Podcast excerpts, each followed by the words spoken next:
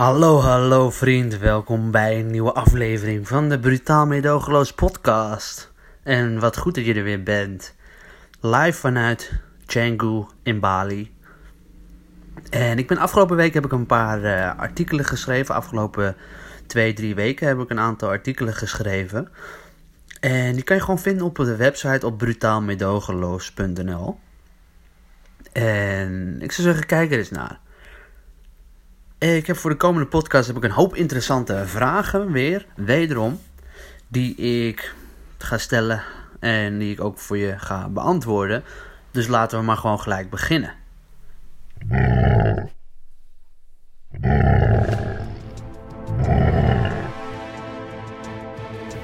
Welkom bij een nieuwe aflevering van de Brutaal Meedogenloos podcast. De podcast voor de go-getter, voor de ondernemer, voor de doener, voor degene die het maximale uit zijn leven wil halen. De podcast voor jou. En laten we maar gelijk beginnen. De eerste vraag is een simpele vraag en het gaat over boeken lezen. Want waarom is boeken lezen goed voor je? Ik vroeg mij namelijk af. Ik lees sinds mijn 17e of 18e lees ik al, uh, al boeken. En dat waren voornamelijk waren dat zelf hulpboeken in het begin. Later kwamen daar ook andere genres bij. En ik heb dat altijd gedaan omdat ik het, omdat ik het interessant vond en omdat ik er wat van leerde. En dat is ook gelijk eigenlijk het antwoord op mijn vraag. En daarom wilde ik deze vraag ook eigenlijk stellen. Want het is gewoon een vraag om een goed antwoord erop te geven. En om er eens over na te denken. En ik vind het goed voor mezelf omdat ik er dingen van leer. Als ik namelijk een boek lees van een ander, die door een ander is geschreven, dan kom ik in contact met de visie of de manier van denken van een ander. En het is heel verrijkend voor mij, want iemand anders kan iets leren en kan het doorgeven middels een boek en kan dat aan mij doorgeven via het, het, het woord. Via woorden, via zinnen. En dat betekent dus dat iemand anders kan werk voor mij doen. Laten we zeggen, iemand kan een onderzoek doen waar hij 10 jaar of 20 jaar over heeft gedaan. En ik kan het in. Nou, ik zou het in bewijs van in een dag kunnen lezen wat iemand in 20 jaar heeft gedaan. En wat daar zo.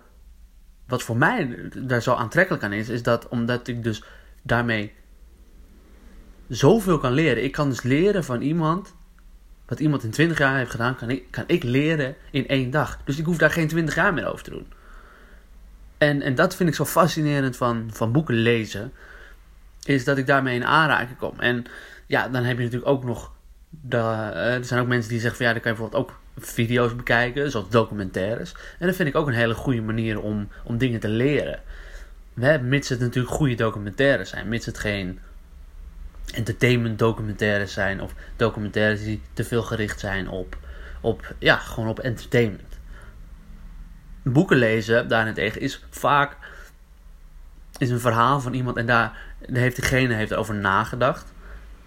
Dat is met een documentaire uiteraard ook. Maar wat ik bedoel te zeggen, het verschil is, diegene heeft daar meerdere malen over nagedacht over hoe hij dat precies gaat zeggen. En van een boek lezen kan je altijd nog je eigen, je eigen invulling eraan geven, je eigen je, je eigen ervaring ernaast leggen. En, en is daarmee zoveel krachtiger dan, dan een film of een, videomateriaal of een documentaire. En, en ik geloof, iedereen zou boeken moeten lezen. Ik vind het jammer dat er, dat er, dat er mensen zijn die. dat er veel mensen zijn die minder boeken lezen. Ehm, en dat veel boeken vandaag de dag ook heel veel troep bevatten. En ja, dat, dat vind ik jammer, vind ik zonde. Maar aan de andere kant snap ik het natuurlijk, want hè, uh, onzin verkoopt. Uh, maar goed, ook daarvan kan je leren. Kijk, ik heb, wat ik daarmee bedoel te zeggen, dus concreet, is... Ik heb op een gegeven moment heel veel zelfhulpboeken gelezen. En op een gegeven moment kwam ik erachter dat elk boek wat ik las, was gewoon hetzelfde. Het was net even in een ander jasje gegoten of in een andere, een verkeerde uitdrukking, in een andere, ja, in een andere vorm gegoten. Het was net even iets anders, maar eigenlijk kwam het altijd neer op hetzelfde. En als je echt goede boeken wil lezen, heb ik een artikel staan op brutaalmedogeloos.nl. En daar staan zes boeken die ik iedereen aanraad, elke ondernemer, elke man, om dat te lezen. Want het zijn echt boeken waar echte wijsheid in zit. En die zijn geschreven door degene die de lessen zelf hebben gevolgd. Dat wil zeggen, het zijn autobiografieën. En autobiografieën is de beste vorm van een boek. Het is de beste manier om daarmee te beginnen en te eindigen. Een autobiografie, daarmee kom je namelijk echt in de geest, in het, in het gedachtegang, in de manier van denken van de schrijver. En ik ben gek op ondernemersboeken en ik vind het heerlijk om ondernemersverhalen te lezen van andere ondernemers, hoe zij het hebben gedaan. En op het moment dat, dat zij zelf dat boek hebben geschreven, dan kan je dus ook precies zien hoe ze denken. En dat maakt het zo fascinerend voor mij om autobiografieën te lezen. En het is goed omdat je je eigen overtuigingen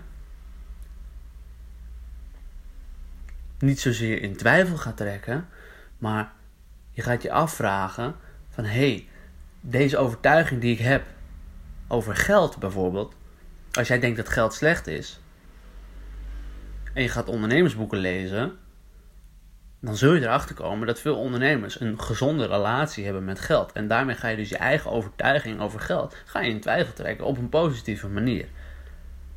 En zo zijn er meer, zo zijn er honderden voorbeelden van hoe jij een betere mindset kan creëren door boeken te lezen. En boeken lezen, kennis is gratis bijna. Een boek kost 20 euro. 25 euro op zijn max. Een goed boek kost een paar tientjes. En de kennis die erin zit, is zoveel meer waard. Het boek Think and Grow Rich van Napoleon Hill is een van de beste boeken ooit geschreven, vind ik persoonlijk.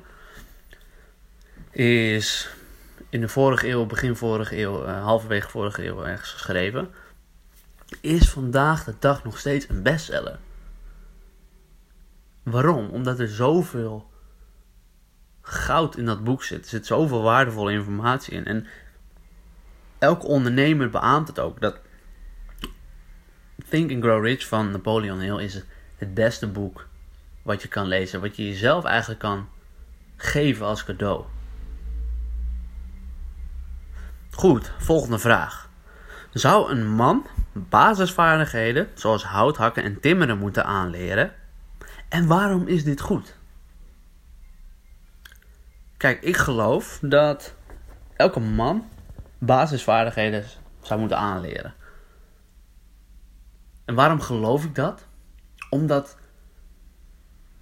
de basisvaardigheden, zoals een kampvuur maken, hoe je eten moet koken, hout hakken, eigenlijk alle basisvaardigheden die te maken hebben met overleven in de natuur, daarvan geloof ik dat elke man die zou moeten aanleren. En waarom? Omdat het namelijk een man sterker maakt. Het maakt een man krachtiger. Het maakt een man zelfverzekerder. En daardoor weet je als man ook dat je op jezelf aan kan. Op jezelf kan vertrouwen. Kijk, ik ben geen doemsdenker. Maar ik geloof dat voorbereiding het beste is wat je kan doen.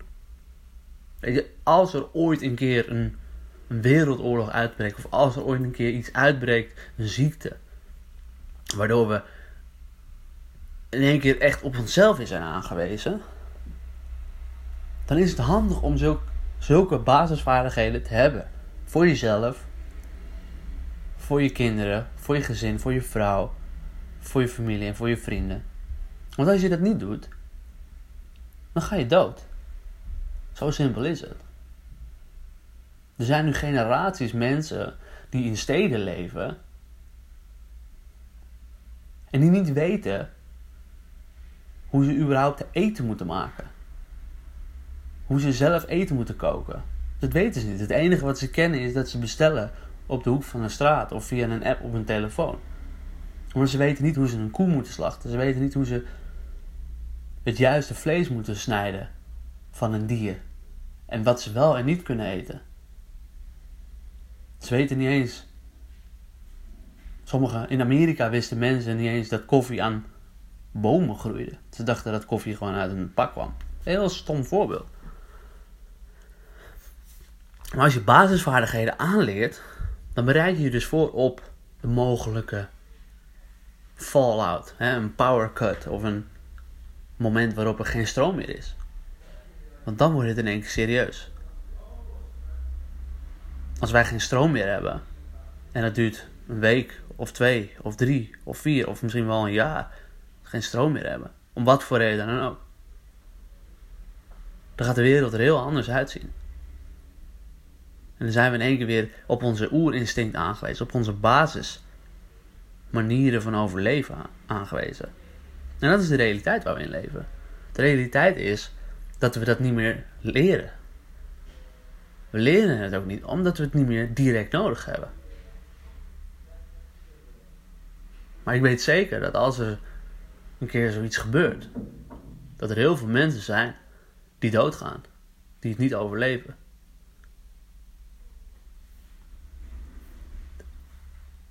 Volgende vraag. Waarom zou je als man een eigen onderneming opstarten? Kijk, een onderneming leert je bepaalde vaardigheden. En het geeft je heel veel vrijheid.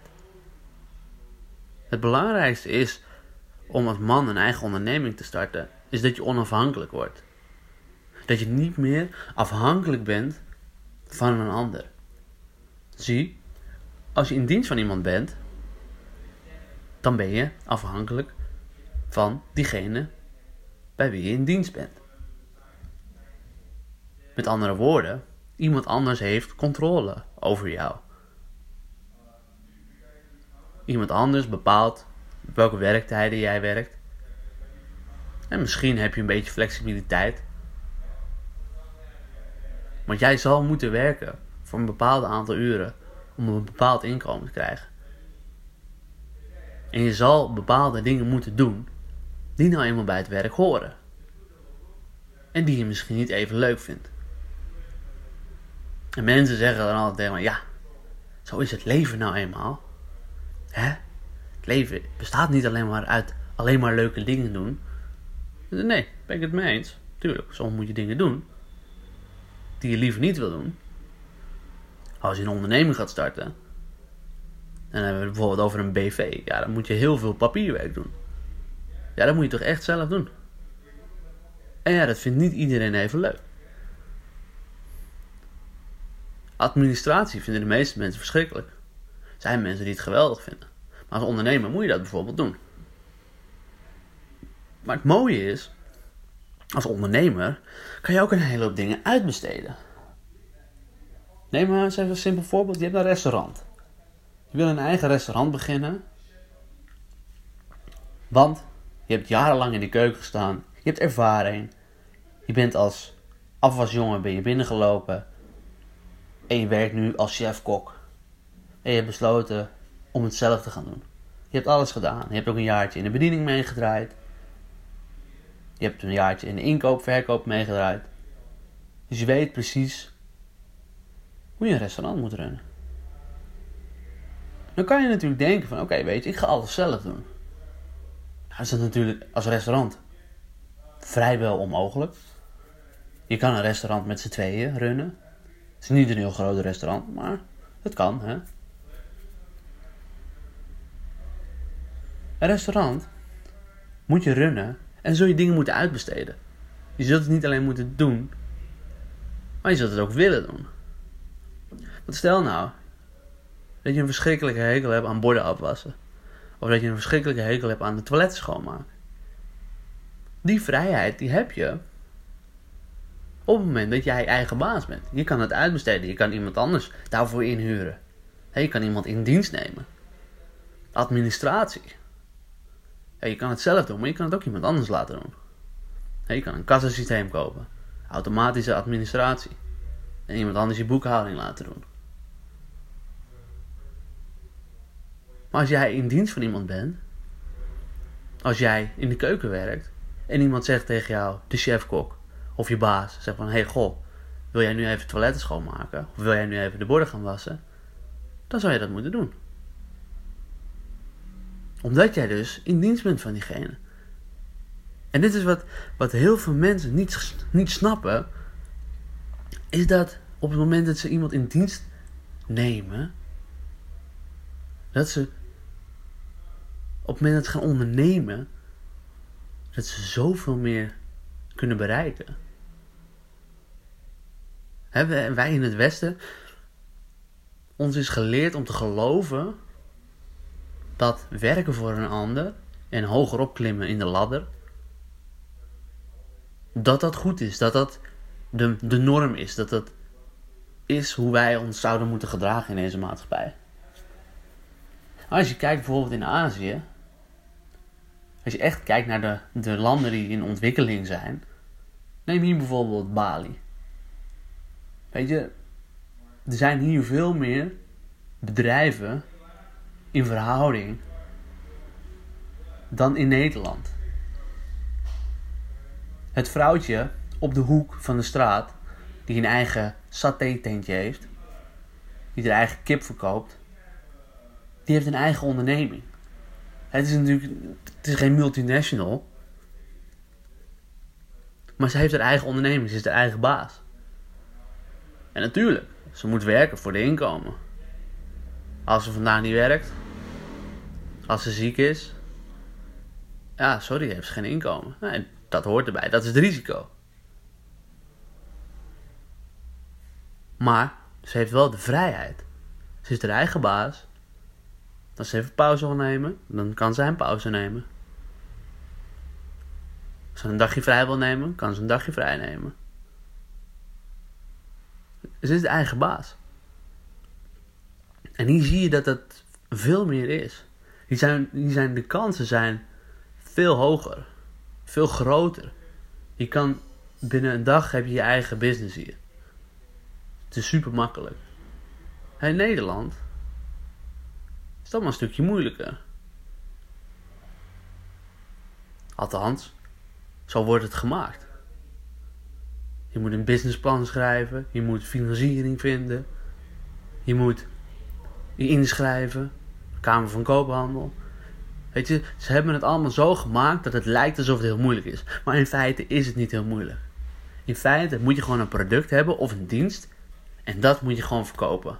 En een ondernemingsplan en een financiering heb je niet eens nodig. En zo simpel is het. En we geloven in het Westen heel erg in het vrije marktkapitalisme. En, en we hebben we vrije markteconomie. Dat is helemaal niet waar. Dat is helemaal niet waar. De meeste mensen, 90%, zijn gewoon loonslaven. In, in, in, in een land als Indonesië, op een eiland als Bali, zijn mensen veel meer autonoom. Ze hebben de, de vrije markteconomie is hier veel vrijer. Er zijn niet allerlei wetgevingen en regels. Ja, maar Marek, die, die zijn er, die zijn nodig. Want, want anders, als we, als we geen goede wetgeving hebben, dan kan iemand zomaar verkeerd vlees verkopen. Of vlees wat niet goed is, wat geen, wat geen goede kwaliteit heeft. Ik zou je vertellen, als hier iemand geen goed eten verkoopt, dan gaat diegene vanzelf, die raakt vanzelf. Zijn, zijn bedrijf stopt vanzelf, want de klanten komen niet meer. Zo simpel is het. Zo simpel is het. Dat is de vrije markteconomie. De vrije markt is kwaliteit verkoopt. En daarom komen mensen hier naar dat ene kraampje op de hoek. Want die smaakt zo lekker. Het is echt zo. Wij waren met een paar gasten hier. Gingen we naar een restaurant. En die stond bekend om zijn ingewanden van de geit. En ik heb ze gegeten en het was heerlijk. Het was echt heerlijk. Ik heb geitenbrein gegeten. Ik heb geitenoog gegeten. Um, het was super lekker. En elke avond zijn die gasten gewoon uitverkocht. Drie gasten die dat runnen. En elke avond zijn ze gewoon uitverkocht. En waarom? Omdat ze kwaliteit verkopen. En ik moet zeggen, het was echt heerlijk. Er zijn ook tentjes hier, ja, die zijn wat minder goed. En dat weet men ook. Men weet ook, dat hoort men van elkaar. Van, nou ja, nee, daar, eh, die, die tent op die andere hoek, daar tegenover, ja, nee, daar moet je niet heen gaan. Men weet dat. Men gaat speciaal naar die plekken toe omdat men weet dat het daar goed is. En geen wetgeving, geen regelgeving.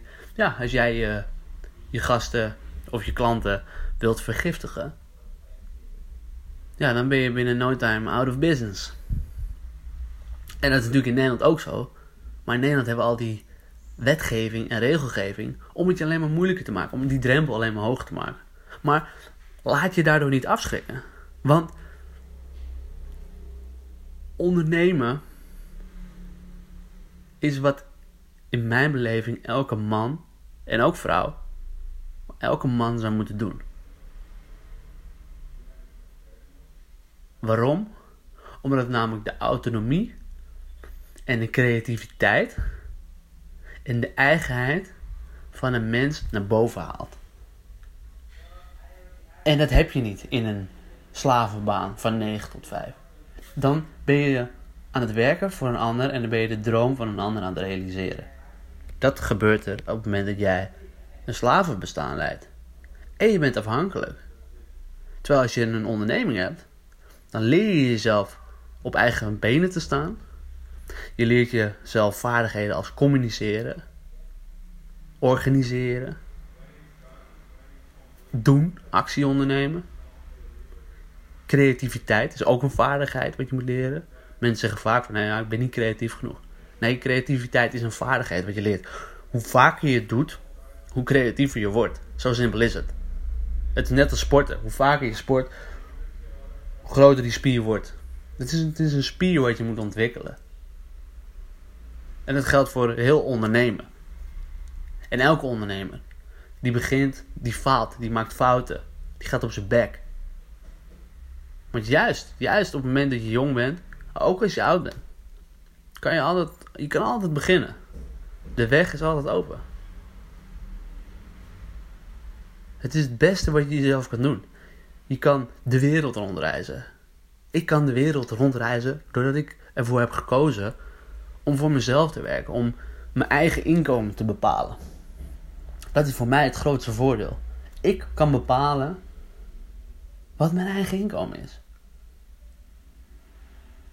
De laatste tijd heb ik niet zoveel inkomen. Ik kies er zelf voor. Ik kan ervoor kiezen om nu harder te gaan werken. Sorry, andersom. Ik kan ervoor kiezen om een hoger inkomen nu te krijgen. Maar dan weet ik ook, dan moet ik harder werken. En op het moment vind ik het veel belangrijker om met brutaal medogeloos bezig te zijn. Om mezelf te ontwikkelen op het gebied van spreken, communiceren. Dat vind ik veel belangrijker nu op dit moment. En die vrijheid, die heb ik nu. Doordat ik ervoor heb gekozen om de controle te nemen over mijn eigen inkomen. En heel veel mensen denken dat ze alleen controle hebben over hun uitgaven.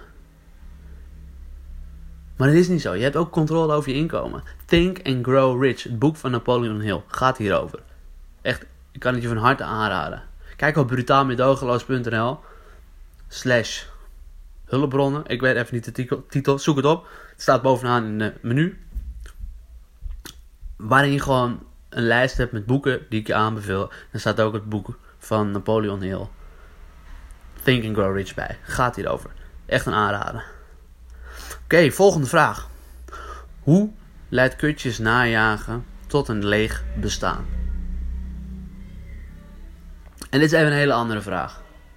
Ik heb deze erin gegooid omdat ik het belangrijk vind om te weten wat het is als je continu vrouwen aan het najagen bent. En bin there, done that. Het kutjes najagen, oftewel achter de vrouw aanrennen. En continu bezig zijn met seks. En obsessief daar dagelijks mee bezig zijn. Heeft voor mij tot een leeg bestaan geleid. En dat kan ik uitleggen. Ik had namelijk mijn leven had ik vrouwen op een voetstuk geplaatst. En op het moment dat je vrouwen op, voet, op een voetstuk plaatst, dan gebeurt er iets. Dan gebeurt er iets, iets raars. Iets, er verandert iets in je mindset. En ik weet niet wanneer ik het heb gedaan. Of hoe ik het heb gedaan. Maar ik heb het gewoon gedaan. Het is zo gegaan in mijn leven, in mijn jeugd. Heb ik dat ergens op een bepaald moment gedaan. Heb ik een vrouw belangrijker gemaakt dan, dan ikzelf eigenlijk. Daar komt het op neer. En de reden dat ik deze vraag erin gooi, is omdat het mezelf heel erg raakt. Want ik heb hier zelf heel lang aan meegedaan. Ik was continu bezig met de vrouwen achterna jagen. En met mijn vrienden hadden we het ook altijd over verhalen van oh lekker, die lekkere wijven en, en oh ja, dit, dat, tieten, dikke, dikke kont. En ik geloof dat er niks mis mee is om over vrouwen te praten. Maar wel met respect. En ik ben erachter gekomen dat op het moment dat, je, dat ik eindeloos kutjes aan het najagen ben, dat ik me leeg ga voelen op, op een gegeven moment. Ik ben me op een gegeven moment leeg gaan voelen. En hoe kwam dat nou? Ik zat in een visieuze cirkel, waarin ik me kut voelde. En het enige wat me eruit kon halen, uit het kut, kutte gevoel wat ik had, was de aandacht van een vrouw. Als ik de aandacht van een leuke vrouw had, dan voelde ik me weer goed. En het had alles te maken met de overtuiging dat een vrouw mijn eigen waarde bepaalt. En in, in het algemeen vind ik, is er niks mis mee. Op het moment dat jij kutjes aan het najagen bent. Maar op het moment dat je het doet voor je eigen waarde, op het moment dat je het doet om je goed over jezelf te voelen, dan leidt dat tot een leeg bestaan. En het is niks anders dan een verslaving. Het is niks anders dan een, seksverslaving, een obsessie van vrouwen. Want zij bepalen jouw eigen waarde. En ik kwam er op een gegeven moment achter. Ik kwam erachter dat ik was bezig met een, een, een masturbatiesessie. En ik had mezelf beloofd om dat niet meer te doen. Ik had mezelf ook beloofd dat ik geen orgasmes meer zou hebben. Ik zou niet meer gaan edgen. En het lukte maar niet, want ik voelde me kut.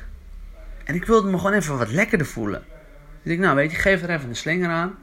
Maar, maar ik moest continu denken aan, aan wat ik zo belangrijk vond. En wat ik, wat ik, wat ik op vandaag de dag nog steeds belangrijk vind.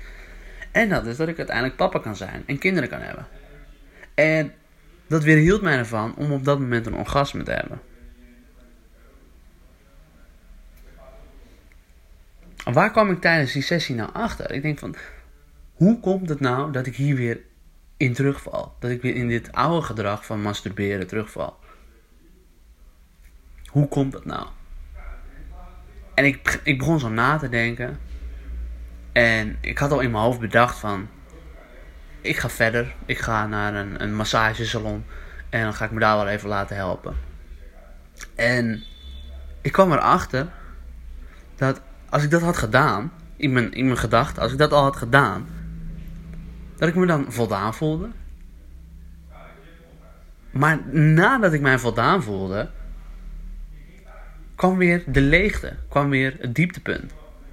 En dan kwam ik er dus achter dat als ik dat uiteindelijk bleef doen, dat ik dus weer die leegte aan het opvullen was, maar tijdelijk. Dus het, het, het, patroon van me kut voelen en daaruit zien te komen middels het najagen van kutjes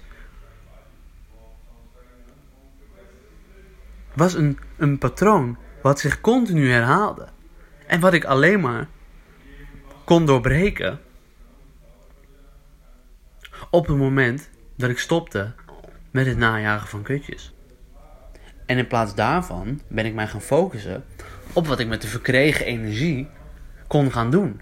De energie die ik daaruit kreeg, uit het feit dat ik geen seks meer heb met mezelf, met mijn linker of met mijn rechterhand, heb ik ervoor gekozen om die energie om te vormen. En die energie omvormen, dat zorgt ervoor dat ik shit gedaan kan krijgen. Dat ik artikelen kan schrijven voor brutaalmedogeloos.nl. Dat ik een podcast kan opnemen. Dat ik dus actie kan ondernemen in de richting van mijn doelen. En dat ik doelen kan stellen. En dat ik mezelf dagelijks verantwoordelijk kan houden voor mijn eigen geluk.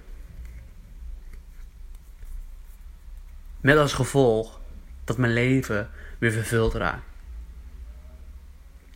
Dat ik ervoor kan kiezen om op reis te gaan. Om de wereld rond te reizen. Om het alleen te doen. Op mezelf vertrouwen. En wat jouw doel ook is. Wat jij ook wil bereiken. Als jij jouw leven. Als jij niet je doelen bereikt. Als jij niet bent waar je wilt zijn. Als je maar continu aan het struggelen bent. Aan het stoeien met jezelf. Omdat je continu bezig bent. Met het najagen van die vrouwen. En het continu weer mislukt. Continu weer tegen de lamp aanloopt. En misschien heb je hier en daar een succesje. Misschien krijg je een keer een gelukstreffer. Maar als jij niet bent waar je wilt zijn. Als je achterloopt op je leven. Als je het gevoel hebt. Dat je achterloopt op je vrienden.